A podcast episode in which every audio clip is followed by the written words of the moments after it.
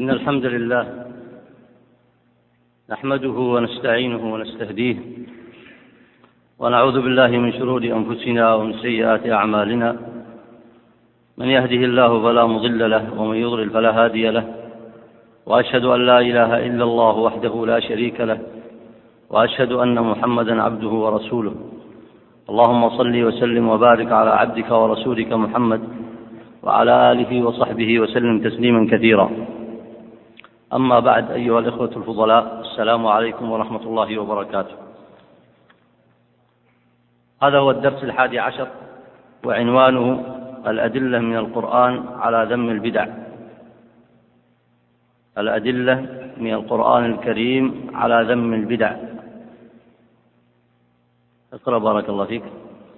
الرحمن الرحيم.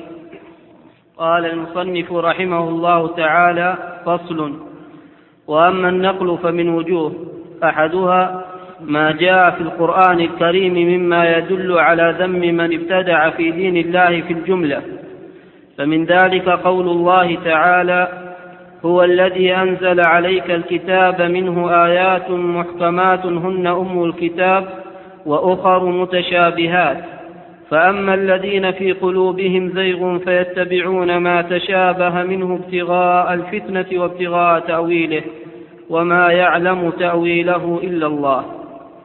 فهذه الآية من أعظم الشواهد وقد جاء في الحديث تفسيرها فصح من حديث عائشة رضي الله عنها أنها قالت سألت رسول الله صلى الله عليه وسلم عن قوله فأما الذين في قلوبهم زيغ فيتبعون ما تشابه منه ابتغاء الفتنة وابتغاء تأويله قال فإذا رأيتهم فاعرفيهم.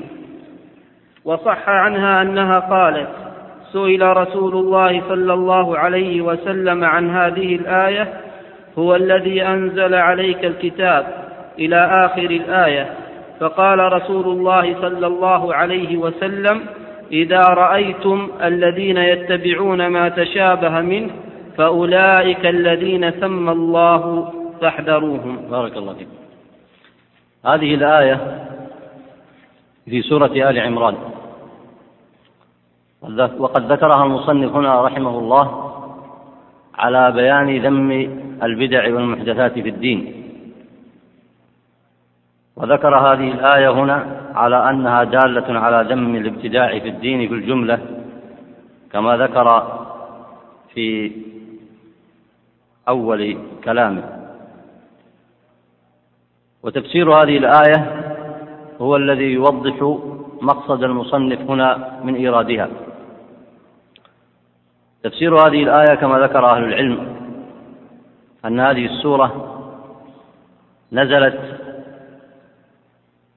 تتحدث عن توحيد الله عز وجل وطاعته وعبادته.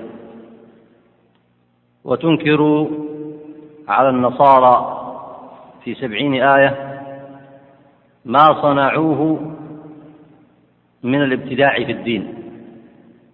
ولذلك لاحظوا هنا أن المصنف قال تدل على ذم من ابتدع في الدين في دين الله بالجملة. وسيذكر أوصافا كثيرة من أهل البدع سواء في الأمم الأخرى أو في هذه الأمة. ثم سيبين معنى هذه الآية. وقد بين معناها بما ورد في الحديث على وجه الاختصار هنا. وبيان معناها مطولا عند أهل التفسير. وسينقل المصنف من ذلك بعد هذا أحاديث كثيرة تبين بصورة شاملة ما ورد حول تفسير هذه الآية. بدأت سورة آل عمران ببيان توحيد الله عز وجل في قول الله تعالى بسم الله الرحمن الرحيم ألف لام ميم الله لا إله إلا هو الحي القيوم. فبدأت تذكيرا بالتوحيد. والتوحيد عند الأمم إلا من عصمه الله عز وجل من أهل السنة التوحيد دخل فيه الابتداع. فبين الله عز وجل هنا في هذه الآية وهي في أول سورة آل عمران بين أن القرآن الذي أنزله الله عز وجل منه آيات محكمات. هن أم الكتاب. وأخر متشابهات. المحكمات المقصود بها البينات الواضحات في المعنى. التي يتضح معناها بحيث لا يقع في فهمها اشتباه وهو مأخوذ من لفظ المحكم. قال ابن كثير يخبر الله تعالى أن في القرآن آيات محكمات. هن أم الكتاب. أي بينات. واضحات الدلالة لا التباس فيها على أحد. أما معنى قول الله تعالى أم الكتاب أي أصله فالعرب بلغة العرب أم الشيء هو أصل الشيء. فمعنى الآية هنا أن أكثر الكتاب وأن أصل الكتاب وأن الله عز وجل أنزل هذا الكتاب محكما. بينا. منه آيات محكمات؟ هي أصله وإلى ذلك ترجع معانيه. في التوحيد في أسماء الله وصفاته في عبادته وتوحيده وطاعته في ربوبيته سبحانه وتعالى في كليات الدين وأصول الشريعة وأصول الملة في تحريم المحرمات كالخمر والزنا والربا هذا من الأمور المحكمات. البينات الواضحات. تحريم الفواحش وظهر منها وما بطن. تحريم البغي والظلم والشرك كل ذلك من المحكمات. البينات التي هي أصل الدين وأصل الشريعة وأصول الملة. وكل ما يتعلق بأمر الآخرة من وقوع البعث والجزاء والحساب وأخبار الجنة والنار ونجاة أهل الإيمان وهلاك أهل الكفر وخلودهم في النار كل ذلك من المحكمات. فأم الكتاب أي أصله.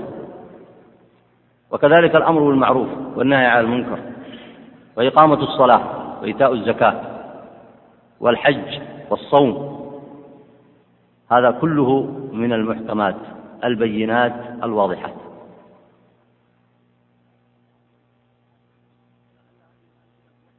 ولعل هذه الأمثلة توضح لكم المقصود بأم الكتاب أي أصله. أي لا ترجع في أمر من هذه الأمور. إلا وقد علمت وظهر لك ذلك في إحكام وبيان ووضوح. فهذا معنى محكمات هن أم الكتاب. ولعلكم تستفيدون من هذا المعنى أن الله عز وجل أوضح الحجة في كتابه وتركنا على المحجة البيضاء كما صنع رسول الله صلى الله عليه وسلم. فالوحي منه المتلو قرآنا ومنه المتلو سنة. فالنبي عليه الصلاة والسلام تركنا على المحجة البيضاء ليلها كنهارها. ووصول أهل السنة معلومة واضحة. ومحكمات هذا الدين معلومة واضحة. وليس على الناس إلا أن يفهموها ويعملوا بها ويطبقوها ويلتزموا بها. هذا معنى أن الله عز وجل أنزل الكتاب منه آيات محكمات وأخر متشابهات. ولاحظ أن وصف المحكمات أن الله وصف المحكمات بقوله هن أم الكتاب. وبأي شيء وصف المتشابهات؟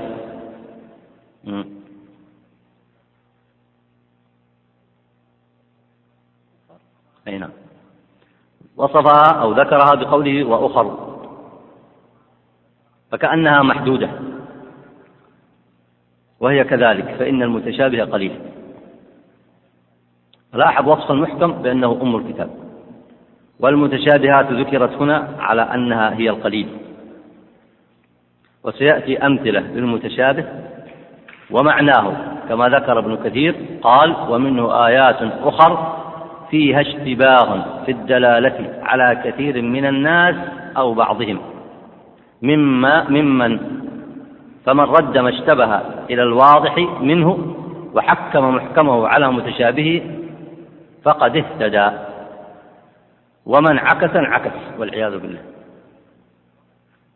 هذا نص تفسير ابن كثير لهذه الآية. ولذلك ما ورد في معنى المتشابه في علوم القرآن وردت أقوال كثيرة. منها التشابه كما قال الله عز وجل كتابا متشابها. هذا غير هذا المعنى المذكور هنا. يعني يشابه بعضه بعضا. وما ذكر في أوصاف الجنة في سورة يشبهه ما ذكر في أوصاف الجنة في سورة أخرى. وما ذكر من أوصاف أهل الإيمان في سورة يشبهه ما ذكر في أوصاف أهل الإيمان في سورة أخرى. فليس هذا هو المقصود هنا بقول الله تعالى وأخر متشابهات. فالمتشابه ذكر أهل العلم في كتب علوم القرآن معان كثيرة له. لكن المقصود في هذه الآية والصواب هو ما ذكره ابن كثير هنا وغيره. أن المتشابه آيات أخر فيها اشتباه في الدلالة على كثير من الناس. أو بعضهم. لاحظ الآن. قوله على كثير من الناس أو بعضهم. يعني ليس بالضرورة أن يكون فيها اشتباه على كل الخلق. ولذلك سيأتي في تفسير. وما يعلم تأويله إلا الله في بعض وجوه التفسير وما يعلم تأويله إلا الله والراسخون في العلم أي يعلمه الله ويعلمه الراسخون في العلم فالتشابه هنا ليس على كل أحد. ولذلك قال ابن كثير وهو أحسن من عرف المتشابه هنا تبعا لكثير من أهل العلم أنه هنا قال على كثير من الناس أو بعضهم. وعلى هذا يرجح ما ذكر في تفسير قول الله تعالى وما يعلم تأويله إلا الله والراسخون في العلم يعلمونه كيف يعلمونه يردون هذا الذي اشتبه في أذهان الناس اشتبه معناه يردونه إلى المحكم فيتضح ذلك. وهذا معلوم بعقيدة الصحابة رضوان الله عليهم. فإن هذا الدين عندهم محكم علموه وعرفوه. وما اشتبه على كثير من الخلق علموه هم رضوان الله عليهم. وفسروا مراده بمقتضى ما ورد في نصوص الكتاب والسنة. لكن من الذي يقع عليه الإشكال؟ إذا قال يقع على كثير من الناس أو بعضهم ما السبب في ذلك؟ السبب في ذلك أن هؤلاء الذي اشتبه عليهم إن كانوا ممن قرأوا القرآن وعلموا العلم لا يردون الذي اشتبه عليهم إلى المحكم. لا يردون الذي اشتبه عليهم إلى المحكم. وعلى هذا فلن يستطيعوا أن يعرفوا معناه. وأما من لا يعلم العلم فإنه إذا اشتبه عليه أمر من الأمور فينبغي أن يرده إلى أهله يرده إلى أهل العلم. إذا جاء للراسخين في العلم وإذا جاء لأهل العلم فإنهم يبينون له ما اشتبه عليه. ويبينون له الحق في ذلك ويوضحونه له. وسيأتي لذلك أمثلة كثيرة سواء في في دين أهل الكتابين كالنصارى وغيرهم أو في أهل البدع في هذه الأمة. فلاحظوا قول الله تعالى فأما الذين في قلوبهم زيغ فيتبعون ما تشابه منه ابتغاء الفتنة وابتغاء تأويله. ابتغاء تأويله وما يعلم تأويله إلا الله. وبعد هذه الآية وما يعلم تأويله إلا الله والراسخون في العلم يقولون آمنا به كل كل كل من عند ربنا أو كل من عند ربنا. وسيأتي أيضا بيان آه، كيف يعلمه الراسخون في العلم. يعلمه الراسخون في العلم برد المتشابه إلى المحكم. أي نعم. أما ما ذكر من حديث عائشة رضي الله عنها هنا فقد ذكر المصنف أكثر من رواية مبينا كيف تشمل هذه الآية أهل البدع مع أنها نزلت في النصارى ونزلت فيما هو أعم مما ذكره المصنف هنا. فذكرت عائشة هنا في حديث قول النبي عليه الصلاة والسلام لما سألت رسول الله صلى الله عليه وسلم عن قوله فأما الذين في قلوبهم زيغ فيتبعون ما تشابه منه ابتغاء الفتنة وابتغاء تأويله قال فإذا رأيتهم فأعرفيهم. وفي هذا الدلالة الحديث طبعا رواه الترمذي. وصححه الألباني وأصله في الصحيحين. وصح عنها أنها قالت سئل رسول الله صلى الله عليه وسلم عن هذه الآية هو الذي أنزل عليك الكتاب إلى آخر الآية فقال رسول الله صلى الله عليه وسلم إذا رأيتم الذين يتبعون ما تشابه منه وأولئك الذين سمى الله فاحذروا.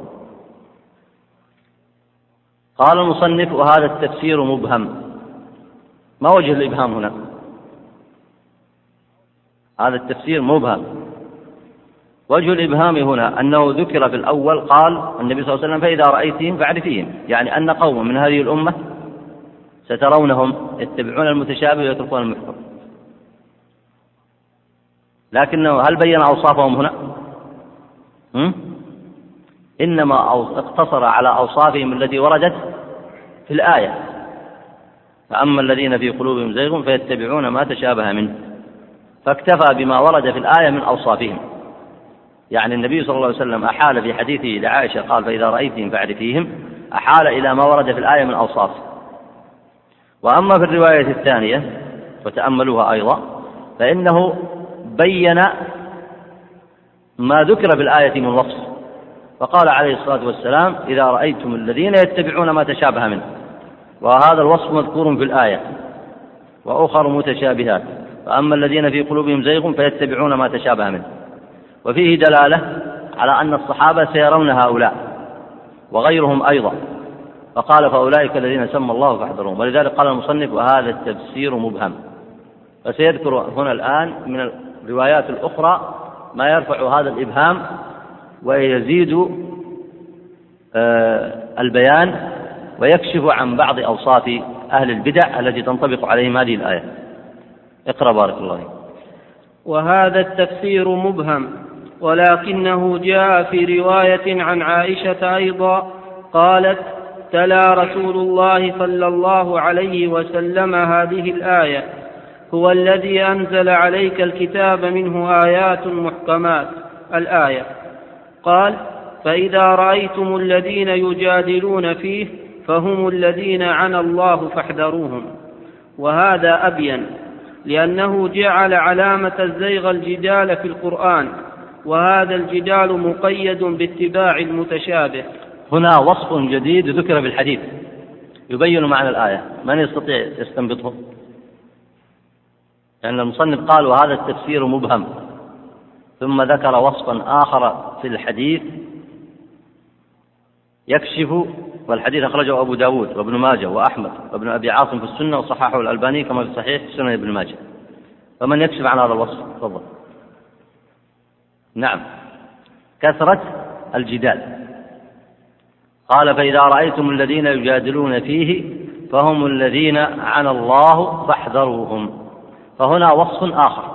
هل الجدال هذا مذكور في الآية في آية آل عمران؟ فهو فهو هنا تفسير يوضح المعنى. يوضح أنهم ما وقعوا في اتباع المتشابه وردوا المحكم ووقعوا في الزيغ إلا بالمجادلة بالمجادلة بالباطل. ولذلك قال هنا يجادلون فيه يجادلون فيه. والجدال كما تعلمون ينقسم إلى قسمين.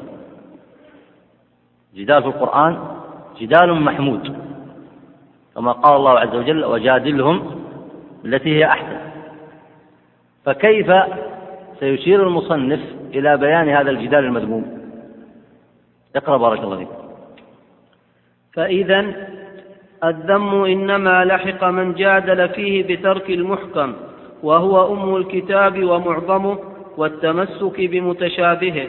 لاحظ الآن من, من أين أتى؟ ذم الجدال هذا أنهم يتبعون المتشابه يتبعون ما اشتبه عليهم لا يعلمون معانيه يأخذونه على غير وجهه يعارضون به النصوص الشرعية يعارضون به المحكمات التي هي أم الكتاب ويجادلون عن آرائهم الفاسدة بذلك. فإنهم إذا صنعوا هذا فإن الجدال المذكور بهذا الوصف جدال مقيد باتباع المتشابه كما كما ذكر المصنف هنا. أي نعم. ولكنه بعد مفتقر إلى تفسير أظهر. فجاء عن أبي غالب واسمه حزور قال كنت بالشام فبعث المهلب سبعين رأسا من الخوارج فنصبوا على درج دمشق فكنت على ظهر بيت لي فمر أبو أمامة فنزلت فاتبعته. فلما وقف عليهم دمعت عيناه وقال سبحان الله ما يصنع الشيطان ببني آدم؟ قالها ثلاثا كلاب جهنم كلاب جهنم شر قتلى تحت ظل السماء ثلاث مرات خير قتلى من قتلوه طوبى لمن قتلهم أو قتلوه. ثم التفت إلي فقال أبا غالب إنك بأرض هم بها كثير. فأعادك الله منهم. قلت رأيتك بكيت حين رأيتهم. قال بكيت رحمة حين رأيتهم كانوا من أهل الإسلام. هل تقرأ سورة آل عمران؟ قلت نعم. فقرأ. هو الذي أنزل عليك الكتاب منه آيات محكمات هن أم الكتاب. حتى بلغ وما يعلم تأويله إلا الله. وإن هؤلاء كان في قلوبهم زيغ فزيغ بهم. ثم قرأ ولا تكونوا كالذين تفرقوا واختلفوا من بعد ما جاءهم البينات إلى قوله ففي رحمه الله هم فيها خالدون. قلت هم هؤلاء يا ابا امامه؟ قال نعم. قلت من قبلك تقول أو شيء سمعت من النبي صلى الله عليه وسلم؟ قال اني اذا لجريء. بل سمعته من رسول الله صلى الله عليه وسلم لا مرة ولا مرتين حتى عد سبعا. ثم قال إن بني إسرائيل تفرقوا على إحدى وسبعين فرقة وإن هذه الأمة تزيد عليها فرقة كلها في النار إلا السواد الأعظم. قلت يا أبا أمامة ألا ترى ما فعلوا؟ قال عليه ما حمل وعليكم ما حملتم. خرجه إسماعيل القاضي وغيره. وفي رواية قال قال ألا ترى ما فيه السواد الأعظم؟ وذلك في أول خلافة عبد الملك والقتل يومئذ ظاهر. قال عليه ما حمل وعليكم ما حملتم وخرجه الترمذي مختصرا وقال فيه حديث حسن. أي نعم. كمل بارك وخرجه الطحاوي أيضا باختلاف في بعض الألفاظ وفيه فقيل له يا أبا أمامة تقول لهم هذا القول ثم تبكي يعني قوله شر قتلى إلى آخره. قال رحمة لهم إنهم كانوا من أهل الإسلام فخرجوا منه ثم تلا هو الذي أنزل عليك الكتاب حتى ختمها ثم قال هم هؤلاء. ثم تلا هذه الآية يوم تبيض وجوه وتسود وجوه حتى ختمها ثم قال هم هؤلاء. وذكر الآجري عن طاووس قال ذكر لابن عباس الخوارج وما يصيبهم عند قراءة القرآن فقال يؤمنون بمحكمه ويضلون عند متشابهه. وقرأ وما يعلم تأويله إلا الله والراسخون في العلم يقولون آمنا به. فقد ظهر بهذا التفسير أنهم أهل البدع لأن أبا أمامة رضي الله عنه جعل الخوارج داخلين في عموم الآية وأنها تتنزل عليهم وهم من أهل البدع عند العلماء. إما على أنهم خرجوا ببدعتهم عن أهل الإسلام وإما على أنهم من أهل الإسلام لم يخرجوا عنهم على اختلاف العلماء فيهم. وجعل هذا الطائفة ممن في قلوبهم زيغ هذه. وجعل هذه الطائفة ممن في قلوبهم زيغ فزيغ بهم. وهذا الوصف موجود في أهل البدع كلهم. بارك الله فيك. هذا النص على طوله كله يرجع إلى معنى واحد. سواء ما ذكر عن أبي أمامة هنا وذكره المصنف هنا رحمه الله بطوله أو آه، أيضا الرواية التي أخرجها الطحاوي. والحديث المذكور هنا قال فجاء عن أبي غالب واسمه حزور بتشديد الواو. قال كنت بالشام فبعث المهلب. المهلب اسمه آه، ظالم العتكي كان من ثقات الأمراء. توفي غازيا بمرو سنة اثنين وثمانين.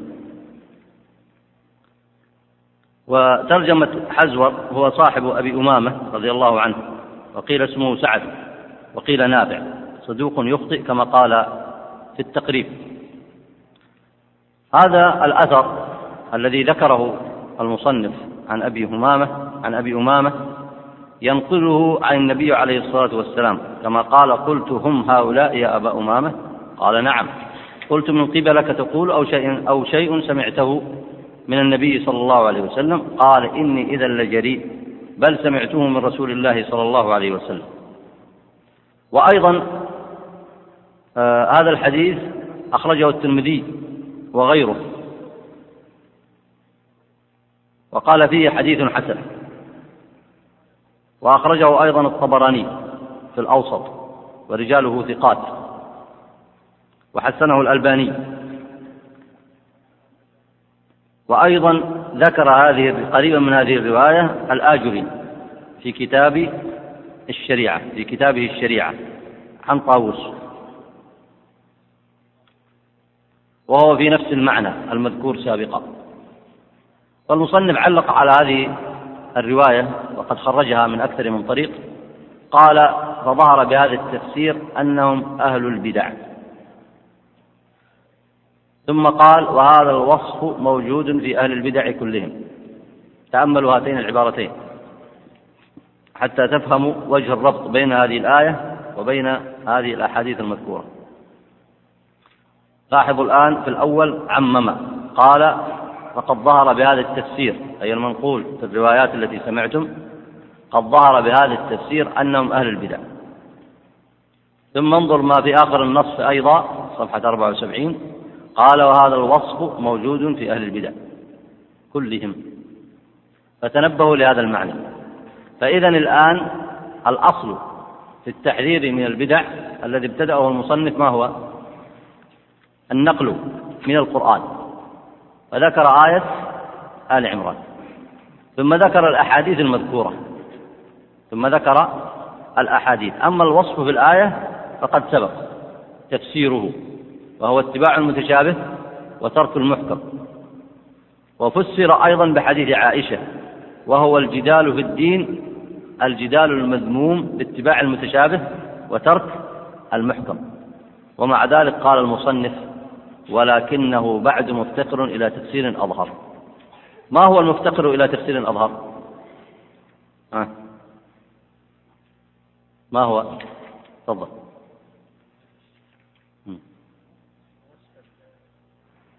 الوصف المذكور في الآية. يعني الوصف المذكور في آية آل عمران كيف تنزله على أهل البدع؟ لاحظ الآن. إذا سألك سائل كيف تنزل الوصف الموجود في الآية؟ فأما الذين في قلوبهم زيغ فيتبعون ما تشابه منه ابتغاء الفتنة وابتغاء تأويله كيف تنزله على أهل البدع؟ إن قلت بحديث عائشة الأول فكما قال المصنف وهذا التفسير مبهم. وإن كان بالثاني أيضا فهو يحتاج إلى بيان. لكن رواية عائشة الذي ذكرها الحديث الذي أخرجه أبو داود بن ماجه قال فإذا رأيت الذين يجادلون فيه هذا تفسير يبين وصفا من الأوصاف وهو الجدال بما اشتبه على الإنسان بالدين بغير علم فيجادل به ويرد ماذا؟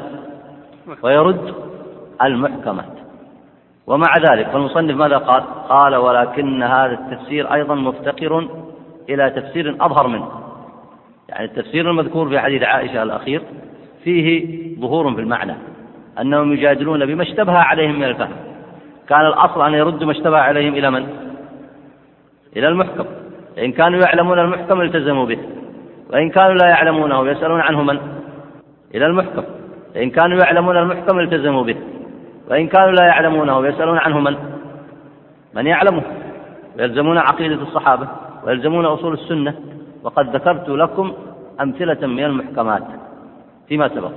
فكان عليهم أن يلزموا هذه المحكمات في الدين. ولا يتبعوا ما اشتبه لهم من المعاني التي سبب الفساد فيها جهلهم بالشريعة. ولذلك سيأتي أن أهل البدع لهم وصفان. الجهل بمقاصد الشريعة والجهل بمقاصد العربية. يعني يجهلون لغة العرب ويجهلون مقاصد الشريعة. من يبين منكم الآن كيف كان التفسير أظهر في الروايات الأخرى التي ذكرها المصنف؟ تفضل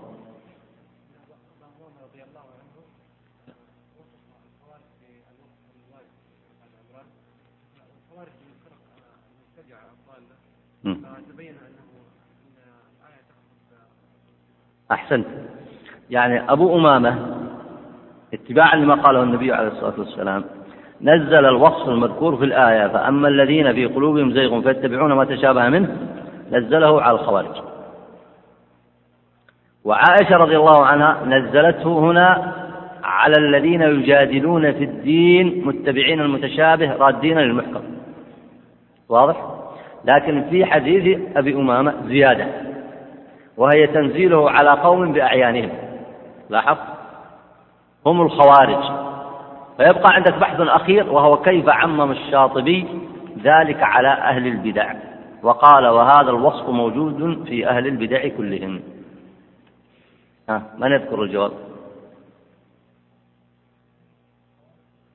أيوه. كيف ألحق بقية أهل البدع؟ كالمعتزلة مثلا وغيرهم ها.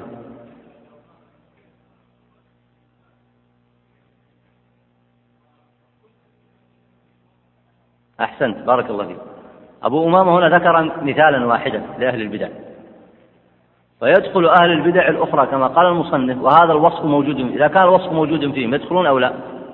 إذا كانوا يتركون المحكم ويتبعون المتشابه ويجادلون بما اشتبه لهم من المعنى الفاسد رادين به المحكم والمحكمات. أفلا يلحقون بالخوارج في ذلك؟ وعلى هذا الوصف الأول شوف في حديث عائشة الذين يجادلون بالمتشابه رادين به المحكمات. هذا الوصف إذا وجد في أي أحد فإنه لاحق بأهل البدع. ولاحظوا الفرق بين الوصفين. أهل السنة ماذا يصنعون؟ من الصحابة ومن تبعهم بإحسان. يلزمون المحكمات. ثم ما اشتبه عليهم من النصوص ما اشتبه عليهم من العلم ما اشتبه لأحدهم. ليس بالضرورة شوف يشتبه على كل أحد. تأكدوا من هذا المعنى. ولاحظوا ما قاله ابن كثير يشتبه على بعض الناس أو على كثير منهم. وإلا فإن الراسخين لا يشتبه عليهم راسخون في العلم. وبما أعطاهم الله من العلم لا يشتبه عليهم هم فيتبعون المحكم فيعلمون الناس والناس تبع للراسخين إذا اتقوا الله عز وجل فيلزمون ماذا؟ المحكم. وعلى هذا تستقر أصول أهل السنة. فأصول أهل السنة في اعتقاد الأسماء والصفات وفي توحيد العبادة وفي الخضوع للشريعة والاستسلام والقبول ومعرفة أصول الدين وكليات الشريعة محكمات بينات واضحات ومن جهلها من العوام أخذها من من؟ من أهل العلم الراسخين. وما اشتبه على أحد منهم لا يتبع هذا المشتبه ويهلك. يرجع إلى ماذا؟ إلى المحكم. إن كان يعرفه عمل به وإن كان لا يعرفه سأل أهل العلم فاتبعه الذي ضاد هذا ما هو أوصاف أهل البدع. يتركون المحكمات البينات ويتبعون ماذا؟ ما اشتبه لهم بسبب جهلهم بمقاصد العربية ومقاصد الشريعة والآن تستطيع أن تجمع بين قول عائشة بين فهم عائشة هنا في آه، تفسير حديث النبي عليه الصلاة والسلام الذين يجادلون باتباع إيش؟ المتشابه يردون به ماذا؟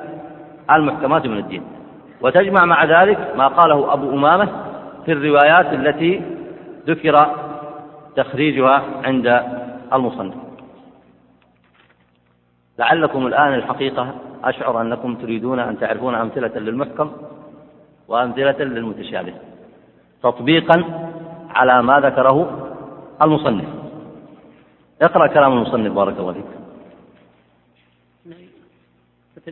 إيه، مع أن لفظ الآية. مع أن لفظ, لفظ الآية عام فيهم وفي غيرهم ممن كان على صفاتهم. هذه قاعدة شوف الآن.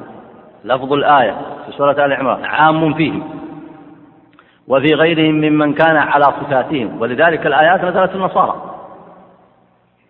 صدر سورة آل عمران نزل في النصارى. وهو عام فيهم. وفي من كان على وصفهم من أهل البدع الذين يجادلون باتباع المتشابه ورد المحكمات. نعم. ألا ترى أن صدر هذه السورة إنما نزل في نصارى نجران ومناظرتهم لرسول الله صلى الله عليه وسلم في اعتقادهم في عيسى عليه السلام حيث تأولوا عليه أنه الإله أو أنه ابن الله أو أنه ثالث ثلاثة بأوجه متشابهة وتركوا ما هو الواضح في عبوديته حسب ما نقله أهل السير. إذا الآن اتباع الزيغ والمتشابه من أين أتى للنصارى؟ شوف عبارة المصنف. تأولوا عليه. قالوا أنه الإله. من هو؟ عيسى. أو أنه ابن الله. أو أنه ثالث ثلاثة. بأوجه متشابهة. متشابهة عند من؟ عندهم. فردوا بها المحكمات. وهكذا أهل البدع. فخذوا هذه الأمثلة كما ذكر أهل التفسير. ذكرها ابن كثير وغيره ونبدأ بالأمثلة في النصارى ثم نذكر لكم أمثلة من اتباع المتشابه عند أهل البدع. أولا الذي اعتقدوه كما ذكر المصنف هنا من أين جاءهم؟ حتى تعلمون هنا لما تتأكدون من هذه الأمثلة أن ما حملهم على ذلك إلا الزيغ. فينبغي للعبد أن يحذر. أن يحذر ويتقي الله أن يترك المحكمات البينات ويقع في المتشابهات قالوا عيسى روح الله وكلمته فإذا هو جزء من الله. لاحظتم من أين جاء اعتقادهم الفاسد؟ قالوا روح الله وكلمة الله. إذا هو جزء من الله إذا هو ثالث ثلاثة ثم قالوا ورد في القرآن قول الله عز وجل خلقنا فعلنا أمرنا قضينا. ورد هذا في القرآن ولا لا؟ نعم ورد هذا في القرآن. فقالوا هذا جمع. فإذا الآلهة ليس واحد وإنما هم جمع. من هم الجمع عند النصارى؟ ها؟ روح القدس؟ وعيسى؟ والله. وين هذا التشابه الذي وقع لكم؟ قالوا سمعنا في القرآن لما جاء النصارى إلى النبي عليه الصلاة والسلام. قال سمعنا في كتابكم فعلنا أمرنا قضينا خلقنا. هذا مجموع جمع. فدل أن الآلهة ليس واحد بل هو جمع. وأيضا نظروا في أمر عيسى فوجدوا أن الله عز وجل قال في القرآن في أوصافه أنه يبرئ الأكمه والأبرص وأنه يحيي الموتى. فقالوا هذا لا يصنعه إلا من؟ ها؟ لا يصنعه إلا إله. طيب أين المحكمات في هذا الأمر وأين المتشابهات؟ هذه هي المتشابهات. متشابهات على عقول من هذه؟ لازم تكون متشابهات على الناس كلهم؟ ولا على عقول هؤلاء الجاهلين الذين نزلوا النصوص في غير موضعها؟ فتأكدوا من قول ابن كثير هناك أن هذا التشابه يرد على بعض الناس ولا هذا الكلام يرد على الناس كلهم؟ يرد على بعض الناس. طيب ما كيف رد المحكمات؟ ما هي المحكمات هنا؟ من يذكر منها؟ مم. ما هي؟ مم. وما من إله إلا الله. هذا محكم ولا لا؟ أين عشوا عن هذا؟ كيف غفلوا عن هذا المعنى؟ الله عز وجل يقول في عيسى نفسه إن هو إلا عبد أنعمنا عليه. إن هو على سبيل الحصر بماذا وصفه الله عز وجل؟ بأنه عبد. هذا محكم ولا لا؟ وهذا كثير في القرآن. إن مثل عيسى عند الله كمثل آدم. خلقه من تراب ثم قال له كن فيكون. مثله كمثل آدم يعني بشر مخلوق. تأكيدا لذلك خلقه من تراب. وخلقه بقوله وأمره سبحانه وإرادته كن فيكون. والمحكمات قل هو الله أحد الله الصمد لم يلد ولم يولد ولم يكن له كفوا أحد. أين تركوا هذا؟ تركوا هذه المحكمات كلها وتعلقوا بفعلنا وأمرنا. الإنسان إذا أراد أن يعظم نفسه يتكلم بالجمع ولا لا؟ ها؟ يتكلم بصيغة الجمع. فالله عز وجل يعظم نفسه فيتكلم بصيغة الجمع. فهؤلاء جهلة بمقاصد الشريعة وبمقاصد العربية. فاتبعوا المتشابه. وأما أنه يبرئ الأكمه والأبرص ماذا بعدها؟ بإذن الله. كم كررت مرة في القرآن؟ أكثر من مرة. ما ذكرت صفة من هذه الصفات إلا جاء بعدها بإذن الله. وأبرئ الأكمه والأبرص بإذن الله. ويحيي الموتى بإذن الله. فتركوا المحكمات بإذن الله. وتركوا إن هو إلا عبد أنعمنا عليه. وتركوا إن أن مثل عيسى عند الله. حتى فهمونا مع المحكمات. وتركوا قل هو الله أحد. وإنما هو إله واحد. تركوا هذا كله. وتعلقوا بهذا المتشابه. إذا الآن تفهم قول الله تعالى ها؟ في ما مضى من آه، آية آل عمران. فأما الذين في قلوبهم زيغ فيتبعون ما تشابه منه. هؤلاء لو كان في قلوبهم حق وعدل يتبعون هذا المتشابه الذي عندهم ويتركون المحكم؟ وهذا هو رحمك الله هذا هو الزيغ الذي ينشأ بترك المحكمات واتباع المتشابهات. طيب. خذ أمثلة أخرى عن أهل البدع حتى تدرك الآن لماذا كانت هذه الآية عامة في النصارى وفي أهل البدع. أما أنها في النصارى فبما ورد في التفسير. وأما أنها في أهل البدع من هذه الأمة فبما ورد في الأحاديث الصحيحة كحديث عائشة وحديث أبي أمامة. المعتزلة لما ردوا معاني الصفات اتبعوا ماذا؟ اتبعوا ما اشتبه عليهم في الفهم هم أنفسهم ولذلك لاحظوا أن المصنف قال أن العقل إذا لم يتبع الشرع اتبع ماذا؟ اتبع الهوى غرتهم عقولهم فاتبعوا بجهلهم بمقاصد الشريعة وبكلام العرب وحقيقة كلام العرب وبجهلهم بالقرآن اتبعوا عقولهم الفاسدة فظنوا أن إثبات الصفة لله عز وجل يقتضي المشابهة.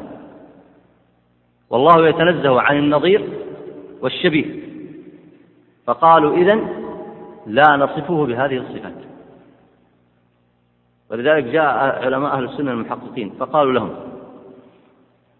أنتم الآن الله عز وجل لم تروه وإنما علمتم صفاته من صفات الله عز وجل التي وردت في القرآن.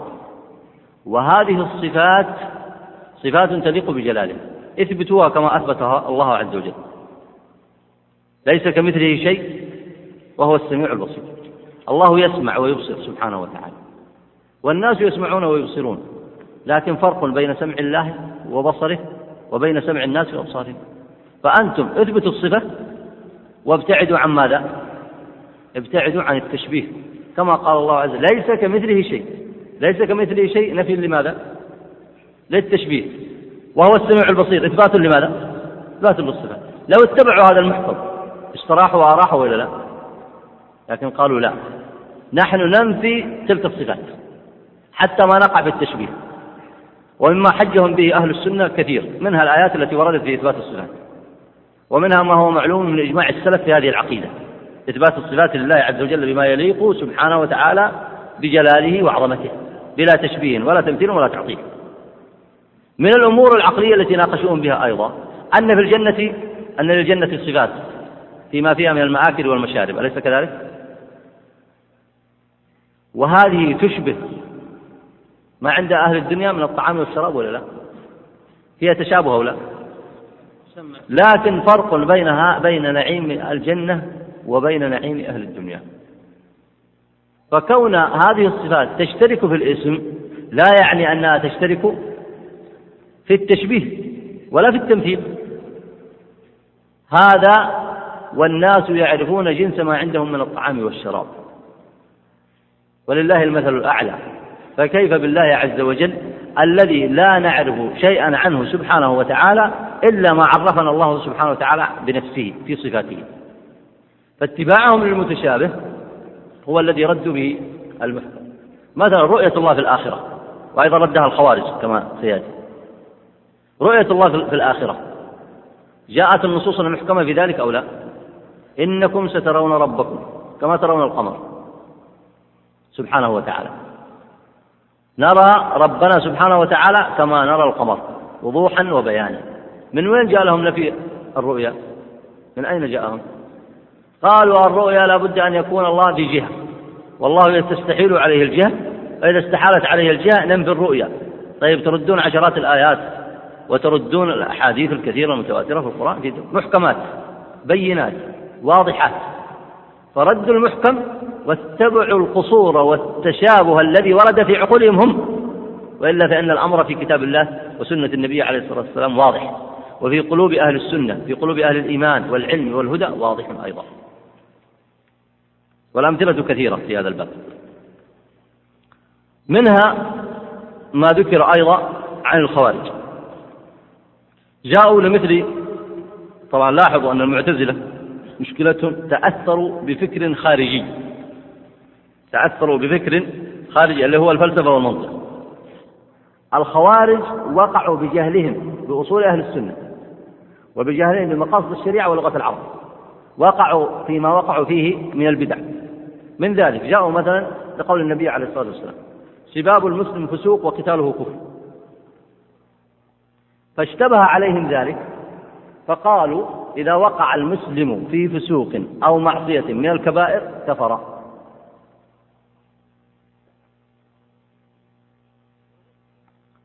ونسوا المحكمات وهي أنه لا يكفر المسلم إلا إذا ارتكب الكفر المخرج. هذه محكمات عند أهل السنة ولا لا؟ ولا يخرج من الملة إلا بالكفر الأكبر أو بالشرك الأكبر. وهذا الذي لا يغفره الله عز وجل إذا مات الإنسان عليه. أما إذا تاب فإن الله يغفر. كما قال الله عز وجل إن الله لا يغفر أن يشرك به ويغفر ما دون ذلك لمن يشاء. فالمحكمات التي عليها النصوص المتواترة في الكتاب والسنة أنه إذا ارتكب الكفر الأكبر فإنه يكفر والعياذ بالله. وإذا أتى الشرك الأكبر فإنه يكون مشركا بالله الشرك الأكبر هذه المحكمات أما إذا زنى أو عصى بشرب الخمر أو بالكذب أو بالغش أو بالسباب أو بقتال أخيه أو بأي نوع من الظلم دون الشرك الأكبر والكفر الأكبر فإنه لا يكفر بالإجماع بإجماع المسلمين فمن أين وقع لهم هذا التشابه؟ من أين وقع لهم هذا التشابه؟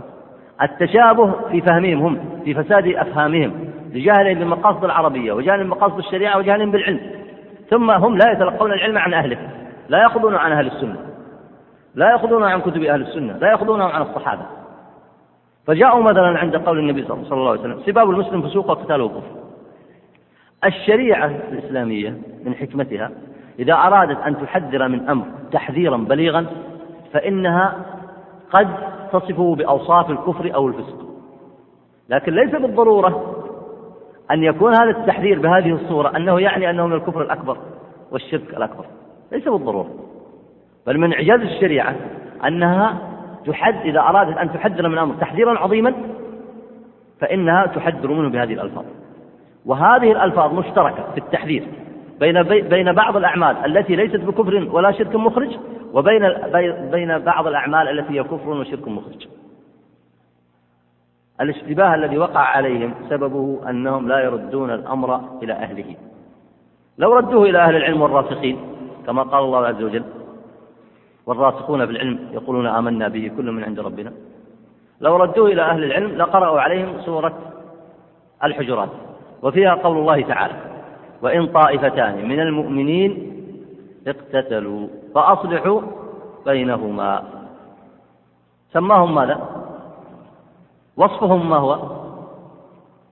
أنهم مؤمنون. وسماهم الشرع بذلك. اقتتلوا أو لا؟ فإذا القتال هنا لا يرفع وصف الإيمان ولا يثبت الكفر. لا يرفع الإيمان بالكلية. فساق بسبب قتالهم. لكن ليسوا كفارا خارجين عن الملة.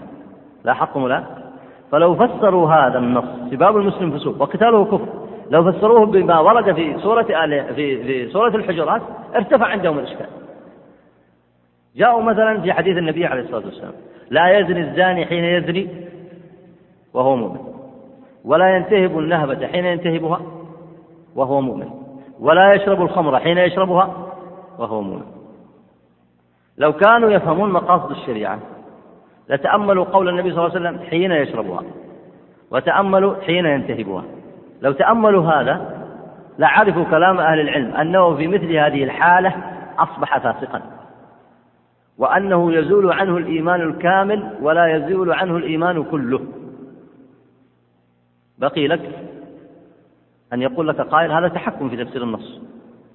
ما الدليل على هذا؟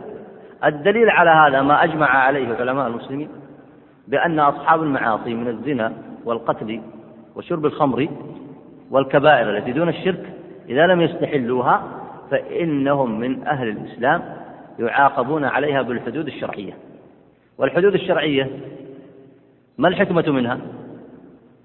أولا تطهيرهم من الذنوب والكافر ما الذي يطهره من الذنب؟ الحد يطهر الكافر من الذنب ولا التوبة والدخول في الإسلام إن كان ليس بمسلم دخول في الإسلام وإن كان مسلما فارتد فرجوعه عما وقع فيه بسبب الردة. وما يطهره الحد.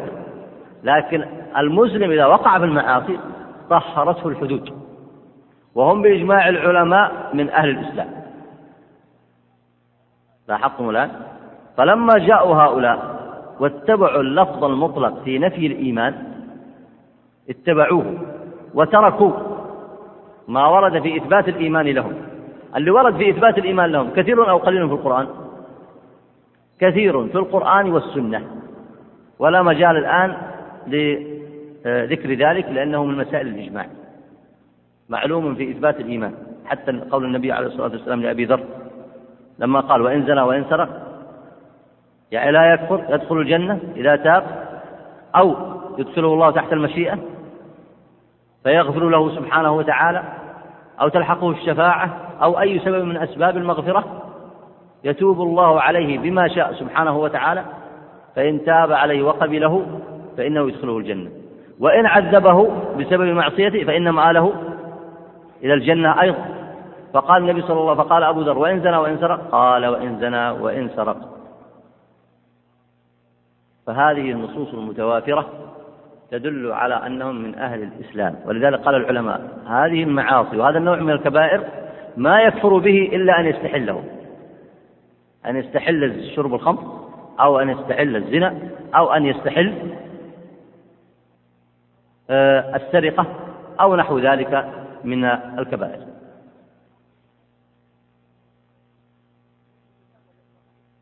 من المتشابه الذي وقعوا فيه وقصتهم معروفة. فإنهم أول ما بدأوا بدأوا مع علي بن أبي طالب رضي الله عنه. فلما وقعت المعركة بين علي بن أبي طالب ومعاوية رضي الله عنهما جعلوا حكمين يحكمان بين الناس. حكمين يحكمان بين الناس. فقالوا حتى تعرفون أن الجهل بمقاصد الشريعة والجهل بمقاصد العربية لغة العرب. والتسرع في النظر. ولذلك من أوصافهم أنهم يأخذون الأمور بالنظر الأول. يعني يأخذونه تسرعا بدون تأمل ولا تدبر ولا تفقه. ولذلك مضى الكلام عن بعض أوصافهم عند الشاطبي من قبل ذلك أن القرآن لا يتجاوز تراكيهم يعني ما يصل إلى قلوبهم ما يصل إلى عقولهم لا يتأملون المعاني الشرعية. ليسوا أهل علم ليسوا أهل فقه. لا يتفقهون في أصول السنة. لا يلزمون عقيدة الصحابة لا يأخذون عن أهل العلم الراسخين لا يتبصرون في الهدى والدين. يقرؤون أهل العبادة كما يرد. والحديث سيطول حتى بالشريط الذي بعد هذا لأن الشاطبي فصل بذلك. يقرؤون القرآن وأهل عبادة وتهجد وغير ذلك لكنهم دخل عليهم الزيغ والعياذ بالله باتباع المتشابه وترك المحكم وعدم التأمل والتدبر وأخذ العلم بتدبر وروية وتعلم لنصوص الكتاب والسنة على طريقة أهل السنة والجماعة طريقة السلف الصالح. فلما جاءوا حكم الرجال. تحكيم الرجال إذا حكم الرجال لكي يحكموا بكتاب الله. أي شيء في هذا؟ إذا جئت القاضي فحكمته في الناس. أي جعلته حكما. يحكم بينهم بماذا؟ بالكتاب والسنة. فأي شيء في ذلك؟ جاء علي ومعاوية فجعلوا رجالا يحكمون بينهم بأي شيء. بالكتاب والسنة فيما وقع بينهم من التشاجر فإنهم إذا تشاجروا قال الله عز وجل فإن تنازعتم في شيء فردوه إلى الله وإلى الرسول. الرد إلى الله الرد إلى الله الرد إلى كتابه والرد إلى الرسول الرد إلى سنته عليه الصلاة والسلام. فقالوا حكم الرجال في دين الله. إذا حكم بغير ما أنزل الله. والله عز وجل يقول ومن لم يحكم بما أنزل الله فأولئك هم الكافرون. رأيتم الآن كيف يكون الزيغ وكيف يكون اتباع ما اشتبه عليهم من الفهم الفاسد؟ القاعدة الأولى فاسدة والاستدلال بالآية في غير موضع. ولذلك لما ناقشهم ابن عباس وكان في بعض الروايات كانوا حوالي ثلاثين ألفا. فرجع معهم في التو أربعين أربعة آلاف. وهم ممن لم يتمكن الزيغ في قلوبهم. عافاهم الله فردهم إلى الحق والصواب. أما الذي تمكن الزيغ في قلوبهم فأهل جدال. لا يسمعون الحجة ولا يسمعون البرهان. فلما قابلهم أول ما رأوا عليه حلة حمراء. فقالوا ما هذا يا ابن عباس؟ إنكارا عليه. فقال رأيت النبي عليه الصلاة والسلام يلبس مثلها. فقالوا جئتنا ما تريد. فأخذ يناقشهم ويبين لهم. قال ماذا تنقمون على علي رضي الله عنه؟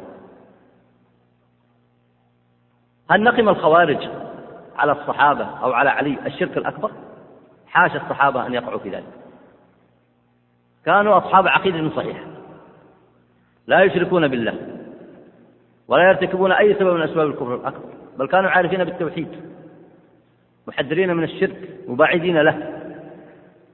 إذا حكموا حكموا بشريعة الله. قابليها مدعنين لها مؤمنين بها معترفين بأنها هي مصدرهم وهي شريعتهم وإليها الحكم يردون إليها أمر الله عز وجل. مؤمنين بذلك مصدقين غير معرضين ولا شاكين ولا مرتبين ولا مرتابين. فما شأن الخوارج بهؤلاء؟ فلما ناقشهم قال ما تنقمون عليه؟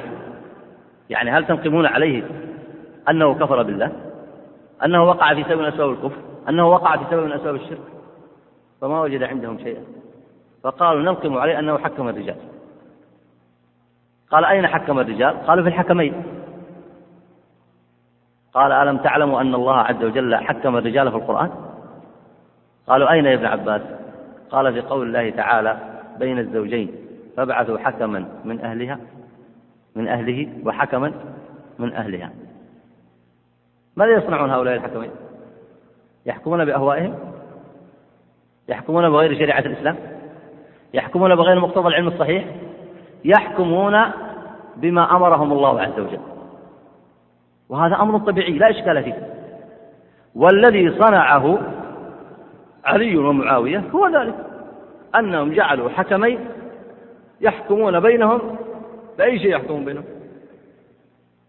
يحكمون بينهم بالقوانين الوثنية بما يصنعه الكهان بالذين يشرعون من دون الله. لا يحكمون بينهم بكتاب الله. فأي إشكال في هذا؟ فلما سمع الخوارج هذه الحجة رجع منهم أربعة آلاف. فانظروا إلى الجهل بلغة العرب ومقاصد الشريعة. كيف ينتقلون بالنظر الأول وبالسرعة من عقيدة صحيحة كانوا عليها إلى عقيدة فاسدة بسبب ماذا؟ بسبب نظرة فاسدة سريعة رأوا رجالا مؤمنين يحكمون رجلين بينهم قالوا تحكيم الرجال في دين الله حكم بغير ما أنزل الله ومن لم يحكم بما أنزل الله فأولئك هم الكافرون. شوف سرعة الاستدلال الفاسد؟ سرعة الاستدلال الفاسد؟ لو أنهم ولذلك لاحظوا وصفهم في القرآن لا يتجاوز تراكين هؤلاء ما هو أهل العلم ولا أهل التدبر. لو ضبطوا أصول أهل السنة والجماعة وحفظوها لعرفوا أن ومن لم يحكم بما أنزل الله أصلا لا تنطبق على هذا الموضع. ليست في هذا الموضع. ومن لم يحكم بما أنزل الله. لأن هؤلاء ما حكموا بغير ما أنزل الله. ولعلموا أيضا أن هذه الآية ومن لم يحكم بما أنزل الله ذكر السلف لها تفسيرات كثيرة. وهذه الآية تحذيرا من فعل الكفار الذين يحكمون بغير ما أنزل الله ويشرعون من دون الله. وذلك شأن الكفار كما قال الله يا أيها الذين آمنوا لا تكونوا كالذين كفروا لا في أخلاقهم ولا في شرائعهم ولا في مناهجهم. وقد مضى بيان ذلك في قضية التشريع من دون الله. ولا نطيل فيها الآن ممكن تراجعون الشريط السابق. قضية التشريع من دون الله هي شأن الأمم الأخرى. وقد تقع في هذه الأمة وهو التشريع من دون الله الذي هو وضع القوانين والأحكام التي يرجع إليها الناس في أحكامهم وفي شرائعهم وفي دينهم يحكمون فيها بغير ما أنزل الله. فهذا التشريع من دون الله هو حكم بغير ما أنزل الله وهو من الكفر المخرج بإجماع العلماء. لكن ما يمكن تأتي لإنسان لا يشرع من دون الله. ويتبع الشريعة الإسلامية ولا يقدم عليها غيرها ويقبلها ويحكم بها.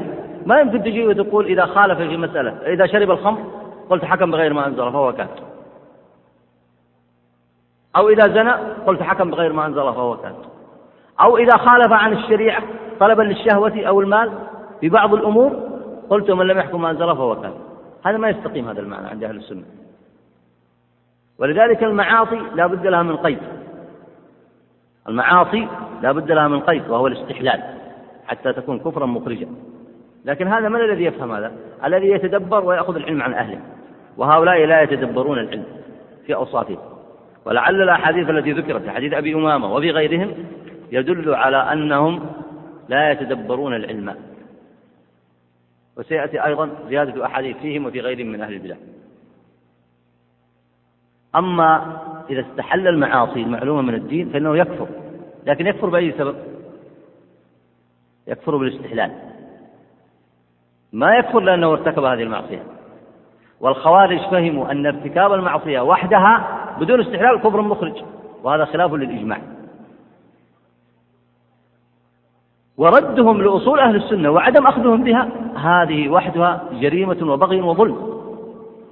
يعني كيف يهيئ الإنسان أو يعطي الإنسان نفسه الحق في أن يأتي لأصول أهل السنة ولا يعمل بها؟ التي عليها علماء الصحابة التي عليها بيان القرآن والسنة وتعليم النبي لأصحابه وإجماع الصحابة والتابعين والأئمة. ثم يأتي بعد ذلك ويخرج عن هذه الإجماعات يخرج عن أصول أهل السنة سواء في أسماء في, في توحيد الأسماء والصفات. أو توحيد أو توحيد العبادة أو غير ذلك من المعلوم من الدين ثم يقول أنه يستدل بنصوص الكتاب والسنة. لا شك أنه يتبع المتشابه الفاسد عنده. فتنزيلهم للآية تنزيل غير صحيح ولم يفهموا معناها. إذا حكم الحاكم وهو لا يشرع من دون الله وإذا حكم الحاكم وهو لا يستحل المعصية التي ارتكبها فإن فعله فيما قال السلف كفر دون كفر. وليس بالكفر المخرج عن الملة. وأما إذا ارتكب العاصي المعصية سواء فردا أو حاكما إذا ارتكب المعصية واستحلها فإن ذلك من أسباب الكفر. هذه قواعد علمية نقلها العلماء بعضهم إلى بعض مع القرون المفضلة وما بعد ذلك. وإذا حكم بغير ما أنزل الله ثم جعل حكمه الباطل الفاسد في المعلوم من الدين جعله شريعة للناس وجعله مصدر يرجع إليه فإن ذلك من الكفر بإجماع علماء المسلمين. ولذلك قالوا من قدم شريعة على شريعة الله فقد كفر إجماعا. من قدم شريعة على شريعة الله فقد كفر إجماعا. وراجعوا ما ذكر في قضية التشريع من دون الله وما يتعلق بها من تقديم الشرائع غير الإسلامية على الشريعة الإسلامية وكذلك استحسانها ونحو ذلك من المناطات التي ذكرها أهل العلم في بيان الفرق بين الكفر المخرج عن الملة والكفر الذي لا يخرج عن الملة. هذه المسألة لها أهميتها في الفكر الإسلامي من جوانب كثيرة جدا. ولعل المصنف توسع في ذلك لما يترتب على ذلك من فهم الاعتقاد الصحيح. ومن المشاكل التي ترتبت على هذه القضية أولا أن أهل البدع هؤلاء استمروا مع كثير من الأزمان. وعادة لم ينقطع عنهم عصر من العصور في اعتقاد أن المعصية كفر. ما زال على ذلك بعض الخوارج في هذا العصر. يعني بعض الخوارج هذا العصر يقولون أن المعصية وحدها بدون استحلال كفر مخرج. والعجيب أنهم يتوارثونها من فترة طويلة وإن كانوا قلة. من ما ترتب من الإشكال على هذه القضية؟ أن الذين يحذرون من الشرك الأكبر الذين يحذرون من الشرك الأكبر كشرك القبور مثلا أو أسباب الكفر كاستحلال المعاصي. أو تقديم الشرائع الجاهلية على الشريعة الإسلامية أو النهي عن أنواع الشرك المعروفة التي ذكر أهل العلم الشرك الأكبر. هؤلاء وقعوا في مشكلة بسبب وجود هؤلاء الخوارج. فصار من أهل السنة من يأتي أناس آخرون من أهل الجهل فيقولون هؤلاء من الخوارج وهم من أهل السنة. وأضرب لكم مثالا يوضح لكم أهمية هذا الموضوع سواء في تعلم العلم واتباع السنة ولزوم أصول أهل السنة والجماعة والدفاع عنها ووضع الأمور في مواضعها الصحيح. الشيخ محمد عبد الوهاب لأي شيء دعا رحمه الله؟ دعا للتوحيد. وحذر من أي شيء؟ وحذر من الشرك. ولزم أصول أهل السنة والجماعة. واستقام عليه وكانت أصوله في العلم. ما هي أصوله في العلم؟ الكتاب والسنة. على فهم السلف الصالح. إذا سألك أحد كيف كان على فهم السلف الصالح فتقول أخذ العلم من كتب المتأخرين من أتباع السنة ومن أشهرهم شيخ الإسلام ابن تيمية وابن القيم وهؤلاء سلموه لمن؟ ها؟ للإمام أحمد فأخذ علم الإمام أحمد وغيره من السلف وهؤلاء يسلمونه لمن؟ لعلم الصحابة رضوان الله عليهم وكتبه مليئة بالنصوص القرآنية والنصوص النبوية وتدبر العلم ولزوم أصول أهل السنة. أول ما نشأ نشأته ماذا قال عنه الناس؟ اتهموه بأي شيء؟ اتهموه بأنه من الخوارج. ففكر الخوارج سبب مشكلتين. أولا انحراف عندهم هم أنفسهم أي الخوارج في حقيقتهم في فهم الدين. وسبب مشكلة أخرى على أهل السنة أن كثيرا من أهل البدع إذا جاءوا لأهل السنة القائمين بالحق أول شبهة يبحثون عنها لتنفير الناس عنهم ماذا يقولون؟ يقولون الخوارج ولذلك لا بد أن تحفظ أصول الكفر والعياذ بالله أسباب الكفر وأسباب الشرك فالذي يحذر منها هذا من أهل السنة وليس من الخوارج لاحظ لكن الجهال وأهل البدع جاءوا للشيخ محمد بن عبد الوهاب كيف ينفرون الناس عنه؟ قالوا أولا أنه خرج على الدولة العثمانية. لاحظ الآن. هذه شبهة. راجعوا كتاب المناوئين لدعوة الشيخ محمد عبد الوهاب. الأمر الثاني أنهم قالوا يكفر المسلمين. الخوارج كفروا المسلمين ولا لا؟ الخوارج المذكورين في النصوص الآن كفروا المسلمين. وقالوا محمد عبد الوهاب كفر الذي ينطقون بالشهادتين فإذا استويا فهو من الخوارج. وهؤلاء أهل البدع ينطبق عليهم وصف الخوارج الموجودين في الكتاب الذي ذكرتموه الذي تدرسونه الآن. أنهم يجادلون يتبعون المتشابه في عقولهم ويتبعون الجدل ويتركون المحكمات.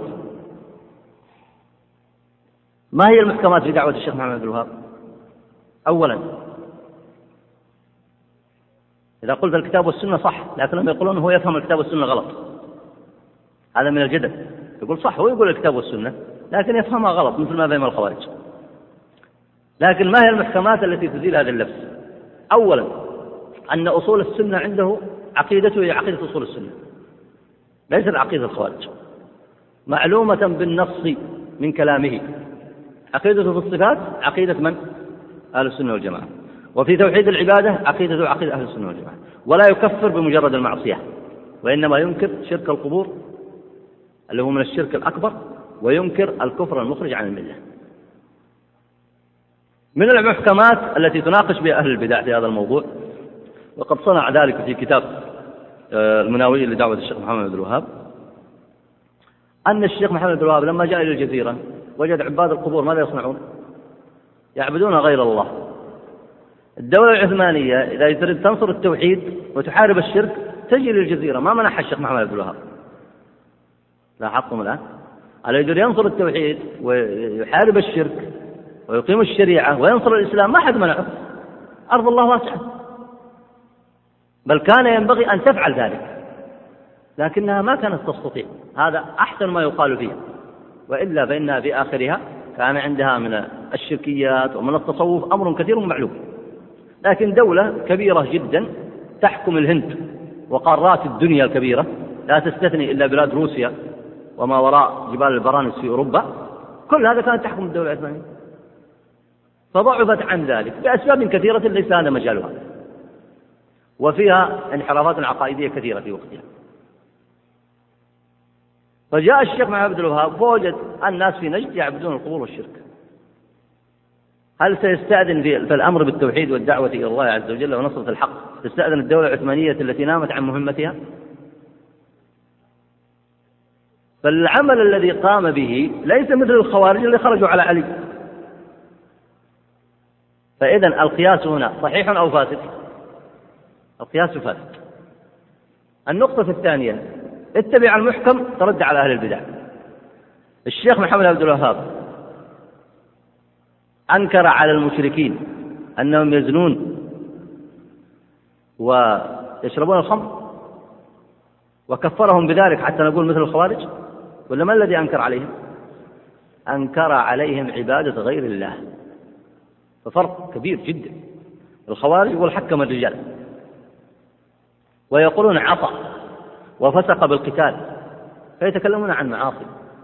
أصل الخوارج ما تكلموا عن الشرك لأن الأمة في ذلك الوقت ليس فيها شرك أكبر. لا عند معاوية شرك أكبر ولا عند علي شرك أكبر رضوان الله عليهم جميعا ولا عند الصحابة ولا حتى في دولة الدولة العباسية ولا في الدولة الأموية. مخالفات أشبه مخالفات هي بالمعاصي. وليست بالكفر ولا ولا بالشرك الأكبر فقياس دعوة الشيخ محمد عبد الوهاب. وقياس دعوات أصول أهل السنة. ولك أن تستعرض التاريخ تجد هذا. بل الشاطبي ماذا قالوا عنه في أول الأمر تذكرون ولا نسيتم؟ قالوا أنه من الخوارج. فتجميع هذه الشبهة وإلصاقها بأهل السنة هذا ظلم وبغي. لكنها شبهة منفرة وإلا لا؟ ها؟ ولذلك تروق لأعداء أهل السنة فيطلقونها عليه. جول الشيخ محمد عبد الوهاب قال هذا من الخوارج. يكفر الناس. الخوارج كفروا اللي يقول لا إله إلا الله. والشيخ محمد بن الوهاب كفر الذين يقولون لا إله إلا الله. طيب لما لا تفرق بين الموضعين؟ هذا عنك جعلوا المعصية كفرا وهذا جعل عبادة القبور كفرا وشركا. هؤلاء ظلموا العوام وظلموا الناس لأنهم جعلوا ما ليس بكفر كفر. طيب والشيخ محمد بن الوهاب وغيره من أهل السنة ما ظلموا الناس قالوا هذا كفر. بل لو سكتوا ما نفروهم من هذا الكفر لظلموهم. إذا أهل السنة تركوا مهمتهم وهي التحذير من أسباب الكفر والشرك وتعليم الناس التوحيد هؤلاء ظلموا الناس. فمحمد عبد الوهاب نفع الله به الخلق ونفع الله بدعوته ديارا كثيرة انتشر فيها كثير من العلم. فلا بد وأنت تقرأ الفكر الإسلامي تقرأ التاريخ الإسلامي لا بد أن تفرق لكن لا يمكن أن تفرق إلا بعلم صحيح وبينته فإذا وصف العالم بأن عقيدته عقيدة الخوارج العالم من أهل السنة الملتزم بعقيدة أهل السنة إذا وصف بأن عقيدة عقيدة الخوارج هذا ظلم وبغي. يستعمله أهل البدع والأهواء فيظلمون به علماء أهل السنة ويذمونهم بالظلم والكذب والافتراء.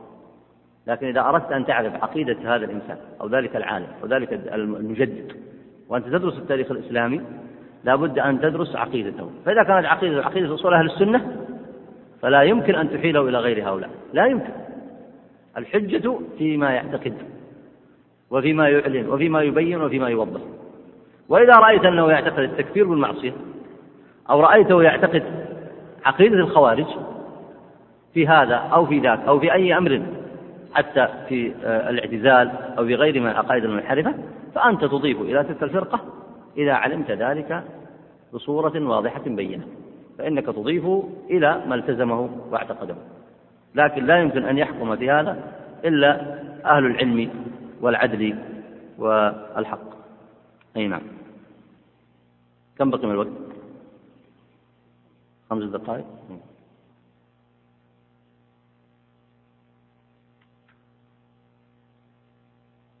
طيب على نستكمل إن شاء الله الدرس القادم. آه الكلام على تفسير الآية وما يتعلق بها واستكمال الأدلة على ذم أهل البدع. وسيتضح لكم الفروق بين أهل السنة وأهل البدع. ولذلك ينبغي لكل طالب علم أن يكتب هذه الفروق بين أهل السنة وأهل البدع بحسب ما يظهر له من كلام المصنف.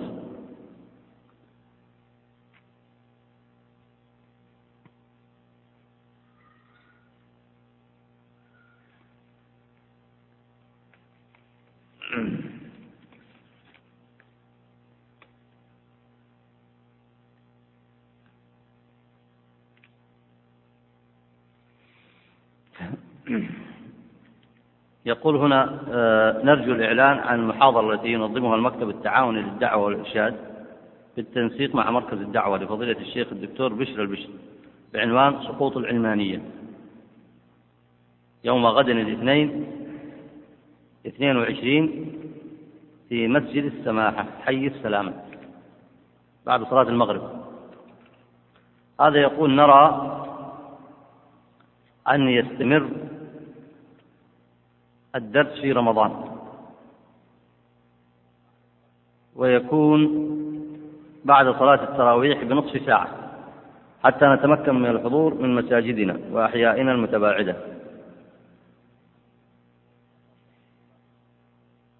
ويتسنى لبعض الطلاب من مكة الحضور في إدراك الدرس ما رأيكم في هذا؟ هم؟ كيف؟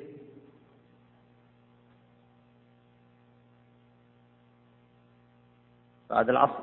يعني رعاية أنفسكم ورعاية بعض الناس.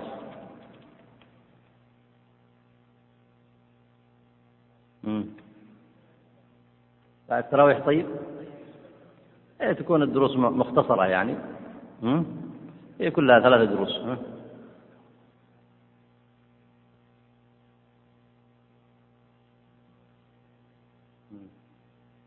مراكز المساجد؟ طيب.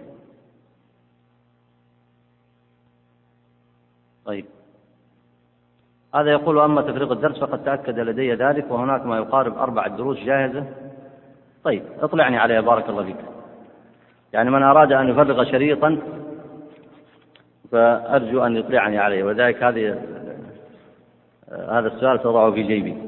اللي يقول فرغ أربع دروس يطلعني عليها حتى أستطيع أن يعني أنقحها إن شاء الله. يقول هنا علما بأنه سوف تكون هناك محاضرة يوم الأحد الموافق 22 ثمانية. لفضيلة الشيخ محمد بن صالح العثيمين في مسجد الأمير متعب المحاضرة الأولى في نفس الموعد؟ ها؟ الأولى في 22 ثمانية. المفروض يصير في تنسيق. ها؟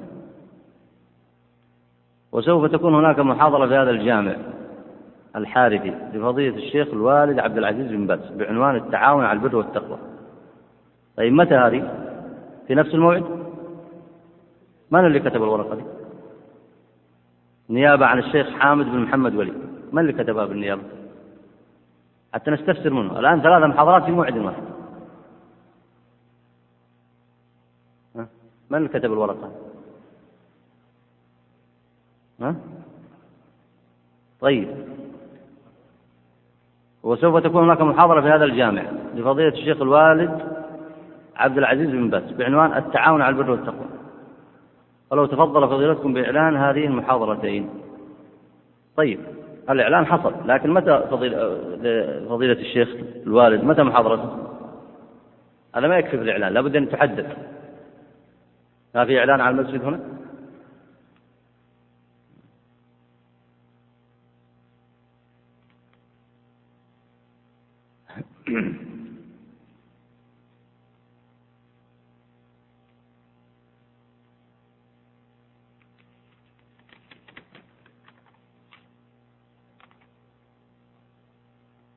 هذا يسأل يقول هل يجوز إقامة صلاة الجمعة أكثر من مرة بأئمة مختلفين وخطب مختلفة في نفس المسجد؟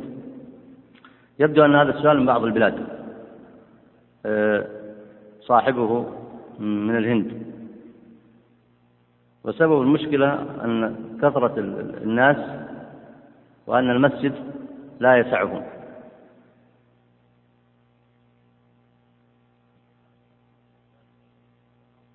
يقول بعد هدم مسجد البابري بالهند وملحقاته آه، حضر استخدام مكبرات الصوت للأذان والصلاة خاصة في صلاة الجمعة.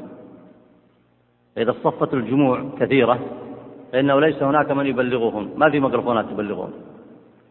وعلى هذا اختاروا أن يصلوا الجمعة أكثر من صلاة أكثر من جماعة. فأنا أقول جوابا على هذا السؤال مع أنه فيه ثلاثة فقرات. يقول هل يجوز إقامة صلاة الجمعة أكثر من مرة؟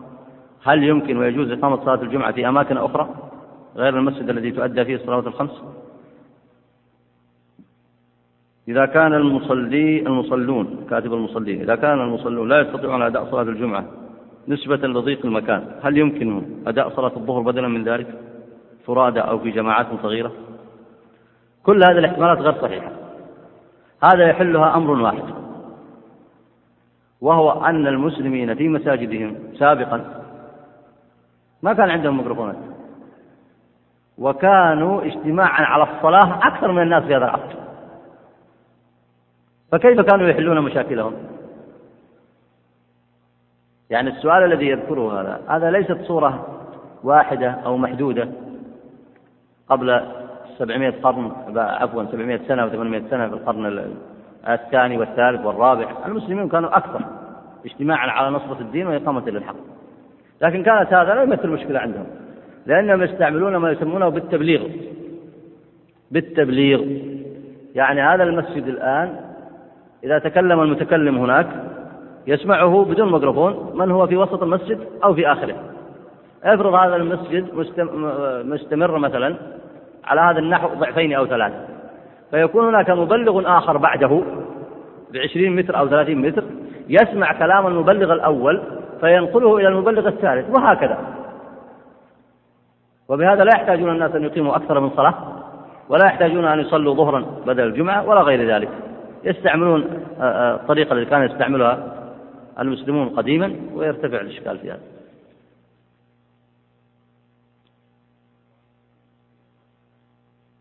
يقول من ترك سنة من السنن الراتبة تركا كليا هل يعتبر معصية؟ وهل هذا الترك من قتال ترك أهل القرية للأذان؟ لا. ترك قتال أهل القرية أو غيرهم للأذان أو لشريعة من شرائع الإسلام هذا سببه كما قال أهل العلم أنه يجب القيام بذلك باعتبار أنه فرض كفاية.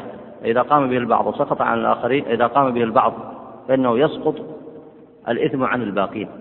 أما إذا اجتمع أهل القرية أو أهل المدينة أو أمة أو غير ذلك اجتمعوا بحيث أنهم يخفون هذه الشرائع فلا تظهر فيهم فإن لأهل الإسلام أن يحملوهم على ذلك بالطرق المعلومة. فإن لم يحملوا على ذلك إلا بالقتال فإن للإمام أن يقاتلهم. أي نعم. لكن السنن ليس هذا حكمها. يقول ما معنى قول المصنف آه، ودخل في حكم العفو حسب ما هو مبين في غير هذا الموضع. هذا يشير إلى مسألة مضت لا بأس من الكلام فيها الآن مختصر ولا نطيل عليكم.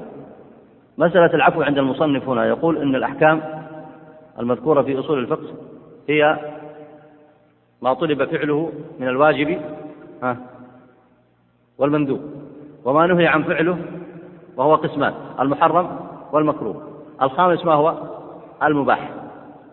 المصنف الشاطبي عنده قسم يقول لا يدخل في هذه الأقسام يسمى العفو. في الحديث الذي ورد في قول النبي عليه الصلاة والسلام وسكت عن أشياء غير نسيان غير نسيان رحمة بكم. فهذا سماه العفو. لكن الأقرب للأدلة أنه يدخل في حكم البراءة الأصلية وفي حكم ما يخير المكلف في فعله أو تركه. يعني لما سكت عنه الشرع ما معنى سكوت الشرع عنه؟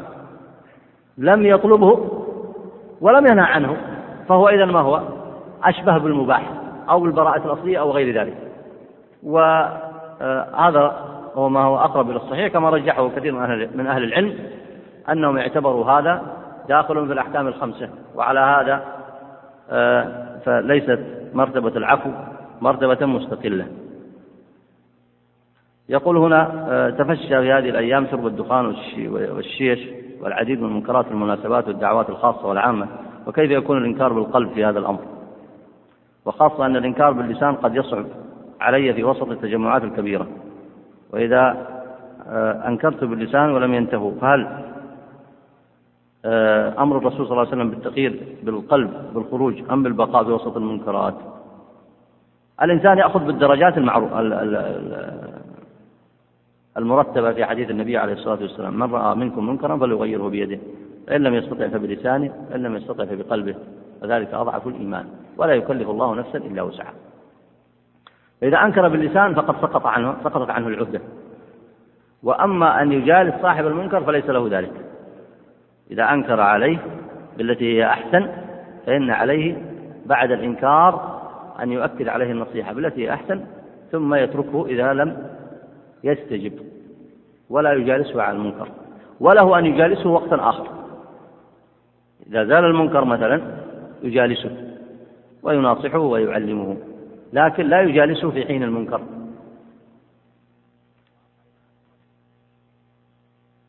وأما إذا أنكر ب ب ب بلسانه فقد سقطت عنه العهدة. فإذا لم يستطع فعليه أن ينكر بقلبه. لكن إنكار القلب ما معناه؟ عدم الرضا. إنكار القلب عدم الرضا فلا بد أن تظهر عدم الرضا. لا بد أن تظهره لا بد أن تظهر عدم الرضا. فإذا أظهرت عدم الرضا فمنه المفارقة. ولكل حال حسبها. لكن ينبغي الإنسان أن يلاحظ مقاصد الشريعة وأن يتدرج آه، حسب المستطاع ولا يكلف الله نفسا إلا وسعها. نعم تفضل.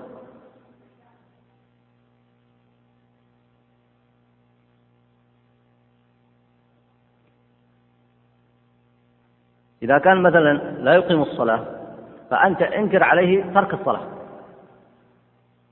انكر عليه ترك الصلاة. وبين له وجوب إقامة الصلاة. وذكره بقول النبي عليه الصلاة والسلام العهد الذي بيننا وبينهم الصلاة فمن تركها فقد كفر. وحذره من مغبة ذلك. والأصل أن يبدأ بالمنكر الأكبر فالأكبر أي نعم. يقول إمام يقرأ القرآن مرتبا في الصلاة الجهرية. حتى إذا ختمه عاد مرة أخرى. فما حكم ذلك؟ وهل ينكر عليه؟ كما أنكر الصحابة فعل الصحابي الذي كان يقرأ. قل هو الله أحد دائما. أنا ما أعرف أن فعل أن الصحابة أنكروا على من يقرأ قل هو الله أحد. لما أنكروا عليه ورجعوا إلى النبي عليه الصلاة والسلام فإن النبي سأله قال لماذا تقرأها في كل آه، ركعة؟ قال إني أحبها. فالنبي عليه الصلاة والسلام أقره على ذلك ولم ينكر عليه. لكن قراءة القرآن مرتبة الصلاة الجهرية في جميع آه، في الصلاة الجهرية حتى إذا انتهى منه عاد إليه هل هذا من البدع أو لا؟ الحقيقة هذا لا يظهر لي فيه آه، حكم. فلعل إن شاء الله إذا جاكم فضيلة الوالد الشيخ عبد العزيز بن باز تسألونه عن ذلك. يقول هذا إذا كان الترك جزئيا أو كان كليا فمعصية حسب ما تبين في الأصول. هذا سبق شرحه. أي نعم.